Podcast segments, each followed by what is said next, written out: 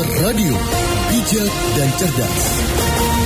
Rekan Dakta, kami lanjutkan kembali dialog publik Radio Dakta dengan tema kusutnya Kartu Sehat Kota Bekasi di Hotel Amarosa Grande Bekasi bersama Hana Ritonga.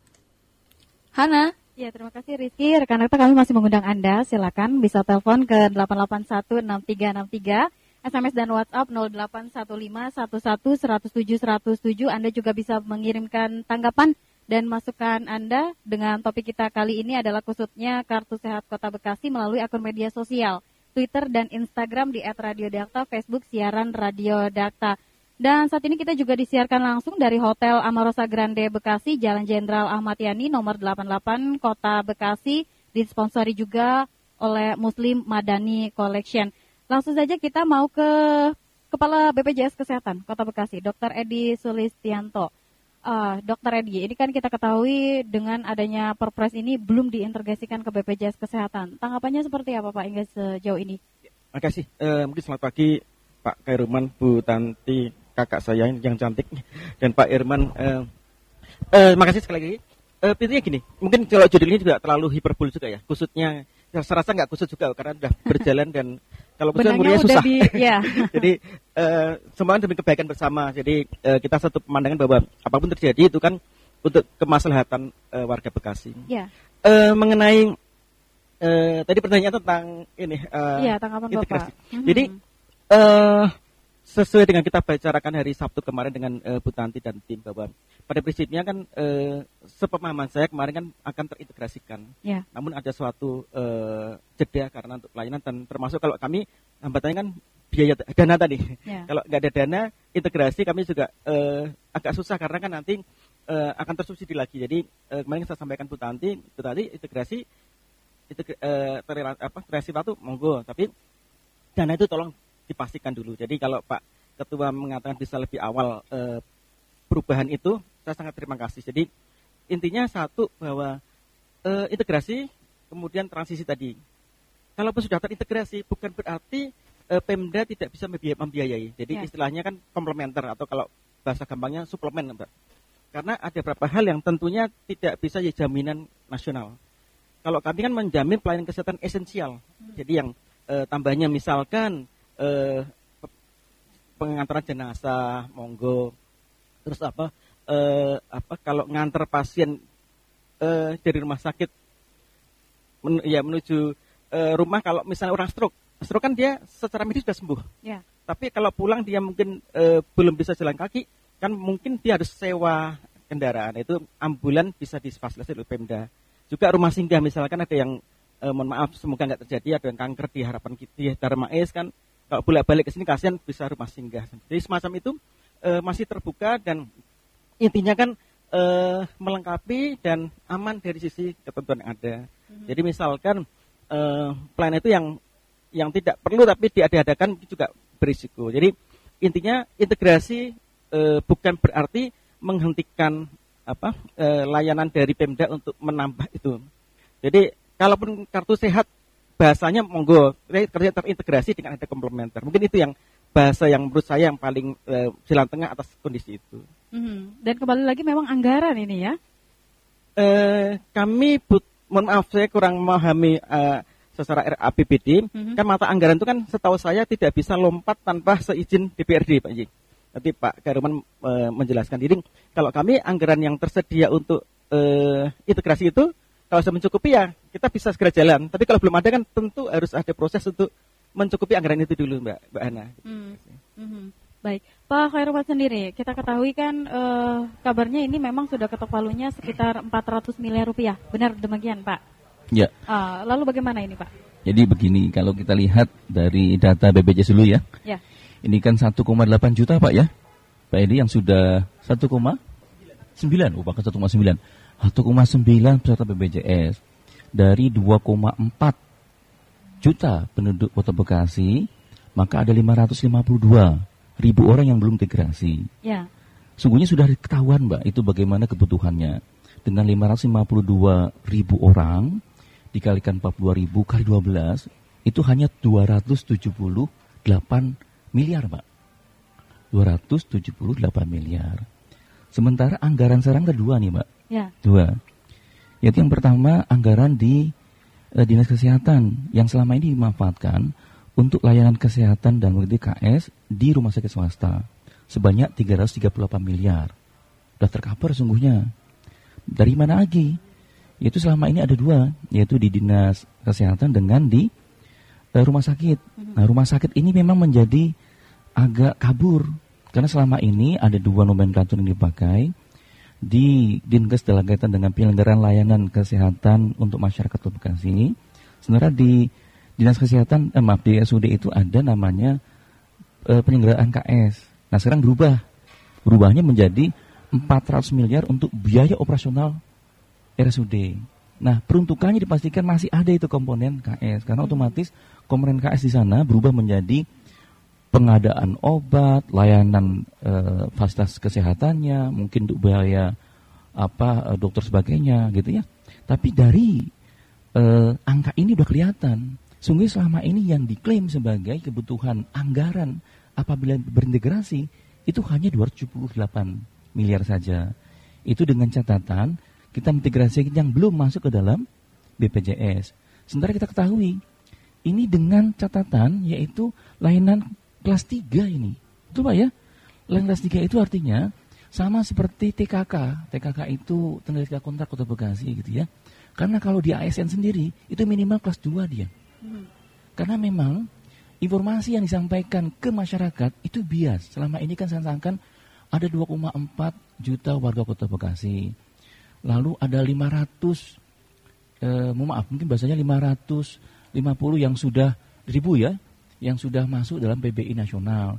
Kita butuhkan 1,9 yang belum masuk, berarti dikalikan sekian sekian sekian, akhirnya 998 miliar, ya. gitu ya. Ah, itu biasa sekali. Biasanya apa? Karena data tersebut tidak valid. Ada yang tidak diperbolehkan berubah menjadi PBI. Karena mereka sudah menjadi anggota BPJS kelas 2, kelas 1 gitu ya. Nah, sehingga informasi ini harus secara terbuka sampaikan publik. Agar publik juga tidak tidak bias karena kan, uh kalau misalnya kita integrasi BPJS ada 998 miliar, anggarannya dibutuhkan 338 miliar di luar 20, kita ada semacam opportunity loss. Artinya kita kehilangan peluang untuk memanfaatkan dana hampir 500 miliar gitu ya. ya. Padahal ternyata cuma 278 miliar. Pun kalau kita tambahkan lagi dalam kaitan dengan peserta PBI yang sudah dianggarkan, yang nanti akan dianggarkan tiap tahunnya, hitung saja berapa tambah lagi seperti yang tadi disampaikan Bu apa Bu Din Bu Tanti yaitu ada peserta kelas 3 yang mandiri selama ini tuh kok yang lain bisa gratis kami nggak gratis? Tambahkan lagi hitung maksimal berapa gitu. Kami coba mencoba ini karena yang data yang paling banyak kan di sini di BPJS berapa sih Pak yang dibutuhkan? Pak kalau nanti gini gini gini maksimal Pak itu mungkin 800 itu pun dengan catatan tadi semuanya itu merasa miskin ya. yang kelas tiga gitu ya kita kalkulasi ternyata butuhnya hanya 400 miliar saja hmm. nah sementara kalau kita mau jujur berapa sih kebutuhan kita anggaran di KS selama ini 2019 maaf 2019 ya kita kita kita kaji aja ya itu ada di murni 350 miliar di dua nomenklatur RSUD maupun di Dinkes lalu minta tambahan lagi 423 miliar saat perubahan berarti total menjadi 773 miliar hmm. Tapi dengan catatan ada 300 miliar dibayarkan untuk membayar kekurangan klaim 2018. Berarti realnya itu hanya 473 miliar selama 9 bulan. Atau rata-rata per bulannya 50 miliar. Berarti satu tahun itu hampir 600 miliar kita butuhkan untuk KS. Sementara penggunanya, berapa penggunanya? Ditanyakan berapa sih? Penerima manfaatnya hampir 900 ribu orang. Dengan catatan, yaitu ada 1,2 juta peserta KS juga peserta BPJS. Berarti kan skema ganda di sana.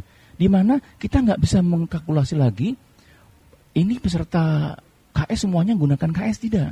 Dia ada sebagian menggunakan BPJS dan bahkan kalau kita lihat tagihan di rumah sakit itu hampir 3-4 kali lipat itu adalah klaim untuk BPJS. Hmm. Sehingga kata lain adalah kita melihat Mari kita sampaikan secara publik, secara benar data-data itu, sehingga tidak semata-mata berdasarkan kepentingan untuk mendorong anggaran e, versi, misalnya versi pemerintah daerah gitu ya, tapi berdasarkan sungguh-sungguh kepentingan masyarakat yang lebih besar.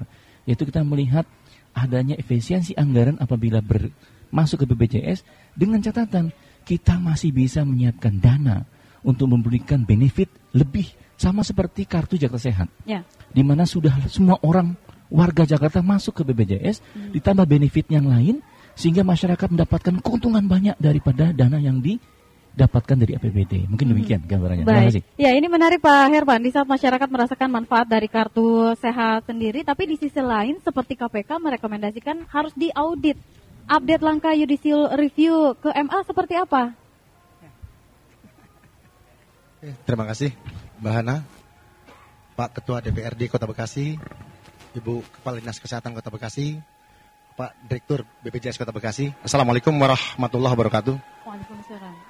Eh, kami, saya di sini mewakili tim Advokat Patriot Indonesia selaku kuasa hukum dari 56 warga yang tersebar di 56 kelurahan 12, keca- 12 kecamatan sekota Bekasi. Jadi bukan atas nama kuasa hukum pemerintah Kota Bekasi ya. Eh, yang mana masyarakat Kota Bekasi yang berikan kuasa kepada kami menganggap dengan keluarnya Perpres 82 tahun 2018 sebagaimana udah dirubah menjadi Perpres 75 tahun 2019 itu merugikan hak-hak para pemohon dalam hal ini pemberi kuasa kepada kami. Ya. Eh, apa saja yang dianggap merugikan itu? Yang pertama bahwa eh, Perpres 82 itu dianggap monopoli dengan keluarnya Perpres nomor 82 sehingga memangkas kewenangan daripada pemerintah daerah yang juga mempunyai kewajiban sebagaimana diatur oleh Undang-Undang nomor 23 tahun 2014 tentang pemerintahan daerah yang juga mempunyai tanggung jawab ya memenuhi kebutuhan pokok terutama enam hal. Salah satunya adalah pendidikan dan kesehatan. Ya. Nah, pelayanan kesehatan bagi masyarakat Kota Bekasi dengan berlakunya KS ini dianggap sudah sangat bermanfaat. Alasan yang kedua bahwa Perpres nomor 82 itu adanya unsur pemaksaan. Kenapa dikatakan ada unsur pemaksaan? Bahwa eh, Perpres 82 tadi berbunyi pasal 102 berbunyi pemerintah daerah yang menyelenggarakan jaminan kesehatan daerah wajib mengintegrasikannya ke, ke dalam program BPJS kesehatan. Kata-kata wajib itulah yang dianggap Memaksakan. memaksakan. Oke. Jadi yang ketiga, yang ketiga itu alasannya merugikan hak-hak pemohon. Jadi hak-hak pemohon yang selama ini mendapatkan pelayanan kesehatan secara gratis dengan adanya KS berbasis nomor induk kependudukan khawatir bila mana dengan dengan adanya Perpres 82 tadi kewajiban mengintegrasikannya sehingga pemerintah Kota Bekasi menghentikan KS tadi sehingga dianggap merugikan. Yang selama ini eh, para pemohon bisa mendapatkan pelayanan kesehatan secara gratis, tetapi nanti akan kehilangan haknya. Itu. Yang terakhir, yang keempat, eh, dinilai cacat hukum Perpres tadi. Seharusnya menurut peraturan perundang-undangan, suatu peraturan itu eh, tidak boleh bertentangan dengan peraturan yang lebih tinggi. Perpres 82 kita nilai bertentangan dengan Undang-Undang Nomor 23 Tahun 2014 tentang pemerintahan daerah. Itulah sebabnya maka kami selaku kuasa hukum 56 warga tadi mengajukan permohonan hak uji material ke Mahkamah Agung. Kenapa kami mengajukan ke Mahkamah Agung? Karena yang diuji ini adalah peraturan perundang-undangan di bawah undang-undang yang dianggap bertentangan dengan peraturan di atasnya. Jadi yang kami uji adalah pasal 102 Perpres 82 2018 sebagaimana sudah diubah menjadi Perpres 75 tahun 2019 yang kami anggap bertentangan yang pertama bertentangan dengan Undang-Undang Pemerintahan Daerah Nomor 23 2014 Pasal 1 Angka 2. Mhm. Yang kedua bertentangan dengan Pasal 1 Angka 6. Yang ketiga bertentangan dengan Pasal 12. Jadi hal-hal itulah yang kami yang kami jadikan alasan untuk mengajukan hak uji material ke Mahkamah Agung. Selanjutnya kami mohon juga dalam petitum kami, petitum permohonan kami, kami mohon juga kepada Mahkamah Agung agar kiranya menunda segala sesuatu berkaitan dengan pelaksanaan Perpres nomor 82 hingga putusan Mahkamah sehingga putusan berkekuatan hukum tetap atau inkrah. Mhm. Selanjutnya dalam dalam eh, petitum primernya kami mengharapkan bahwa Perpres nomor 82 tidak memiliki kekuatan hukum yang mengikat. Seperti itu ya Pak Herman ya. Pak Herman, eh, tapi dari MA ini sudah ada jadwal persidangan? Eh, dapat kami jelaskan Mbak Hana bahwa sifat permohonan uji materi ini pasif. Jadi setelah kita mengajukan permohonan hak uji materi ke Mahkamah Agung, maka Mahkamah Agung memberikan nomor register terhadap eh, permohonan tadi dan permohonan tadi disampaikan kepada termohon yaitu Bapak Presiden Republik Indonesia. Dalam waktu dua minggu, termohon yaitu Presiden harus memberikan tanggapannya atas permohonan kami. Dikeluarkannya tanggal 2 Januari 2020, Ah, nom- tanggapannya kurang lebih Eh, tanggal, tanggal 16 kami ajukan permohonannya dan Oke. nomor register perkaranya baru kami dapatkan tanggal 2 Januari Baik. kemarin. Eh, maka setidaknya dalam dua minggu, dua minggu setelah tanggal 2 Januari harus ada tanggapan kurang lebih tanggal 16 Januari Iya. 2020. Ke- kepada kepada atas permohonan tadi disampaikan kepada Mahkamah Agung. Mhm. Tidak ada kewajiban sampaikan kepada kami. Nah, setelah itu baru pemeriksaan dilanjutkan. Mhm. Tinggal kita tunggu hasilnya saja. Eh, insya Allah berkisar sekitar tiga, tiga bulanan baru putusan itu. Mhm. Baik, jadi yang paling dekat dari hasil eh, judicial review ini adalah menunggu persidangan, tapi menunggu tanggapan dulu, dua minggu. Eh, tidak ada persidangan. Tidak ada Tidak ada persidangan, persidangan. ya? Jadi Mhm. dengan kita ajukan permohonan tadi saja, Mhm. udah ada tanggapan, maka kita tinggal tunggu putusannya. Oh, baik, langsung ada keputusannya. Iya, Dokter Edi, eh, ini kan kita bersama-sama ingin eh, membangun yang lebih baik begitu ya untuk layanan kesehatan. Nah, eh, keuntungan jika kartu sehat ini diintegrasikan ke BPJS Kesehatan, pelayanan di BPJS seperti apa, Pak? Eh, mungkin sebelum jawab itu mungkin saya terdengar Pak. Eh, mungkin sebelum sedikit sedikit Pak Irman. Jadi eh, kalau monopoli itu pasti ya, karena social health insurance pasti monopoli. Di negara mana pun pasti monopoli. Jadi eh, akan ada suatu monopoli, ya bahwa nanti konsiderasi monggo yang untuk itunya. Eh, terkait dengan eh, yang kalau kartu KS kartu KS gratis, BPJS gratis, apa bayar nggak juga, mohon maaf, karena nanti Pemda bayar juga kan Ya. untuk itu. Jadi bagi warga gratis karena dia dulu KS dibayar pemerintah daerah dengan integrasi biar pemerintah daerah juga. Eh mungkin lainnya saya nggak nggak menguasai hukum lah mungkin eh, kan AK tadi.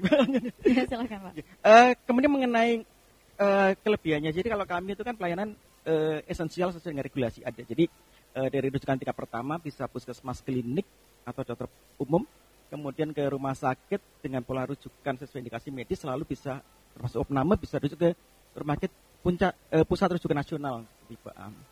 Dalam hal orang keluar wilayah, eh, misalnya pas mudik lebaran, dia bisa digunakan juga kartu itu di kita kan portabilitas ya, jadi Ya. bisa ke semua jejaring kami di wilayah Indonesia. Eh, menurut saya, mohon maaf kalau eh, dengan integrasi itu plusnya adalah nanti bisa ada komp- komplementer. Mhm. Jadi eh, anggaran Pemda bisa untuk mengkomplementerkan hal-hal belum ya, ya, yang belum kami eh, kami jamin. Misalnya tadi kan pelayanan esensial kan hanya untuk pelayanan kesehatan orang itu. Oke. Misalkan dia orang itu butuh eh, apa sakit kanker di harapan di Darmais yang kalau dia bolak-balik kan mohon maaf kan eh, agak kasihan juga ya itu rumah singgah itu bisa di eh, biaya Pemda sehingga ada nilai tambah atas bagi war- warga tadi. Mhm. mungkin dengan hal lain misalkan tadi yang eh, mobil ambulans untuk pulang ke rumah atau dari rumah jemput. Kan kalau orang sakit eh, kami jaminnya kan antar fasilitas kesehatan. Misalnya orang itu sakit di rumah mau ke eh, layanan kesehatan orang yang nggak punya ada uang untuk sewa ambulans kan kalau Pemda membiayai kan mungkin itu suatu yang eh, nilai tambah yang eh, untuk kemaslahatan bersama lah. Eh, pelayanan lain sih sesuai dengan regulasi bahwa eh, intinya yang ke arah penyakitnya kami akan jaminkan tapi yang tidak seperti estetika enggak eh, terus yang infertilitas enggak karena infertilitas kan bukan penyakit murni jadi Mhm. estetika juga bukan ke arah eh, penyakit kan jadi semacam itu termasuk yang sudah dijamin eh, program pemerintah lain. Kesalahan lalu lintas oleh jasa raja kesalahan kerja oleh BP Tenaga Kerja lalu lintas kan ada plafonnya Ya. 20 juta eh, sekarang 20 jutaan. Jadi kalau dia melampaui itu masih bisa kami jaminkan kelebihannya. Jadi eh, relatif untuk kesalahan kerja, kesalahan lalu lintas eh, bagi orang yang mungkin terlampaui plafonnya mungkin nggak terlalu masalah karena kami bisa menjaminkan di eh, kelebihannya. Mungkin gitu Mbak Ana. Mhm. Bu Tanti ada yang ingin ditambahkan Bu? Eh, baik, terima kasih. Eh, tadi menyambung juga, eh, mungkin sebelum ke Dokter Edi tadi saya ini beliau Pak Ketua menyampaikan terkait dengan anggaran. Mohon izin Pak Ketua, memang untuk anggaran di 2020 biasanya perencanaan anggaran itu kita buat di tahun 2018 sehingga pada saat kami waktu itu itu belum ada Permendagri yang keluar ya 2019 itu perencanaan sudah masuk mudah-mudahan saja bagaimanapun juga kita eh, pemerintah pastinya memperhatikan hal-hal yang eh, tidak sesuai ya. Eh, mudah-mudahan kita bisa sesegera mungkin juga untuk berjalan. Akan tetapi yang sekarang ada memang mohon izin saya dapat kami sampaikan juga Pak Ketua Dewan yang terhormat untuk kegiatan layanan kesehatan hanya ada di dalam satu program. Jadi hanya di dinkes saja, di rumah sakit sudah tidak ada karena di rumah sakit tahun 2019 sudah digabung di eh, bulan Juni dengan dinas kesehatan. Sehingga kegiatan ini pure hanya berada di dinas kesehatan dengan satu pengelola satu pengelola dan eh, satu program. Jadi sudah eh, bergabung di Dinas Kesehatan sehingga dana yang teralokasi saat ini memang ada 350-an ya yang ada di dalam DPA dan beliau juga pastinya sudah mengetahui karena sudah disahkan. Kemudian kita dapat eh, sampaikan juga bahwa untuk integrasi khususnya masyarakat PBI itu bukan hanya kewajiban pemerintah daerah saja, ada perbub yang dikeluarkan, mungkin BPJS sudah mengetahui juga bahwa di dalam isi perbub ya, itu yang dikeluarkan di tahun 2016 kalau tidak salah, itu eh, ada kewajiban pemerintah eh, provinsi dan pemerintah daerah di mana kewajiban pemerintah daerah atas masyarakat yang tidak mampu untuk dapat diintegrasi diintegrasikan eh, mempunyai kewajiban 40% terhadap biaya integrasi tersebut. Kemudian ada juga 60% adalah kewajiban daripada eh, pemerintah daerah. Saat ini kelihatannya belum ada perubahan, masih tetap dengan Perbub yang eh, sebelumnya. Eh, biasanya nanti sambil berjalan kita mendapatkan lagi eh, informasi tersebut. Mungkin ini eh, BPJS sudah mengetahui persis. Jadi itu mungkin memang kita ada dua komen- nomenklatur Pak Ketua. Satu memang untuk pelayanan, kemudian yang keduanya karena sekarang berubah jadi layanan ya. Tadinya jam kerja, kemudian ada juga untuk integrasi karena ini untuk eh, pembiayaan PBI. Jadi ada dua nomenklatur yang teralokasi di eh, anggaran ya, di anggaran untuk pelaksanaan tahun 2020 ini. Ada 33 miliar eh, untuk integrasi, kemudian ada 350 untuk eh, layanan. Itu mungkin kemudian tadi yang disampaikan oleh BPJS betul ya, Dr. Edi sudah menyampaikan bahwa eh, kita eh, selain masa transisi dengan sasaran yang belum diintegrasikan, yang eh, tetap dilayani, maka kita pun setelah integrasi ini kita eh, ada dua model. Tadi saya sampaikan kembali dua model. Satu adalah melayani masyarakat yang belum terintegrasi dengan BPJS ya, karena sedang berproses persiapan. Kemudian keduanya adalah sasaran eh, masa, eh, sasaran peserta aktif BPJS di mana ini yang bersifat komplementer. Komplementer tadi sudah disampaikan oleh eh, Pak Dr. Edi di mana ini pemenuhan daripada kebutuhan masyarakat khususnya bagi masyarakat-masyarakat yang tidak berkemampuan. Karena kita tahu kalau masyarakat itu yang tidak berkemampuan jangan harus mem, apa eh, transportasi ke Jakarta. Untuk anta di, dari rumahnya ke Kota Bekasi pun menjadi hal yang membebani daripada masyarakat tersebut. Kemarin contoh soal kami ke ke wilayah ternyata ada eh, salah satu pasien pasien eh, pos op, eh, pos rawat di di rumah sakit eh, apa angkatan mereka kebingungan karena tidak punya transportasi. Nah, inilah mungkin yang memang nanti menjadi sasaran salah satunya sasaran komplementer selain selain apa selain uh, ambulans ya. Begitu juga hal-hal lain karena untuk panti ya, anak jalanan dan itu pun itu tidak termasuk ada di dalam pengelolaan BPJS, maka ini pun menjadi sasaran daripada layanan kesehatan yang dilaksanakan di uh, Kota Bekasi ya. Uh, lembaga kemasyarakatan juga sama, panti bayi baru lahir karena karena bayi baru lahir mudah-mudahan saja kemarin kami sudah komunikasi juga dengan BPJS apa mungkin enggak dari bayi baru lahir ini tidak uh, ada jeda waktu di ya. dalam uh, pelayanan yang diberikan oleh BPJS karena sebelumnya ada jeda waktu 14 hari hmm. padahal pada saat the, pasien lahir, hmm. maka uh, menunggu 14 hari hmm. ini sudah sudah pulang. Hmm. Ya sehingga itulah Baik. yang menjadi jaminan. Ya. Mudah-mudahan kita sudah berkomunikasi juga dengan ini ini menjadi sasaran yang secara otomatis dapat dijamin oleh uh, eh, BPJS itu hmm. mungkin. Baik, rekan akta kami masih undang Anda yang ingin bergabung telepon ke 8816363 SMS dan WhatsApp 0815 11 107 107 ataupun Anda juga ingin menyampaikan tanggapan dan masukan Anda, silakan bisa melalui akun media sosial kami Twitter dan Instagram di @radiodakta, Facebook siaran Radio Dakta. Program dialog publik Radio Dakta yang disiarkan langsung dari Hotel Amorosa Grande Bekasi, Jalan Jenderal Ahmad Yani, nomor 88 Kota Bekasi. Kita lanjutkan setelah informasi berikut. Dakta Radio, bijak dan cerdas.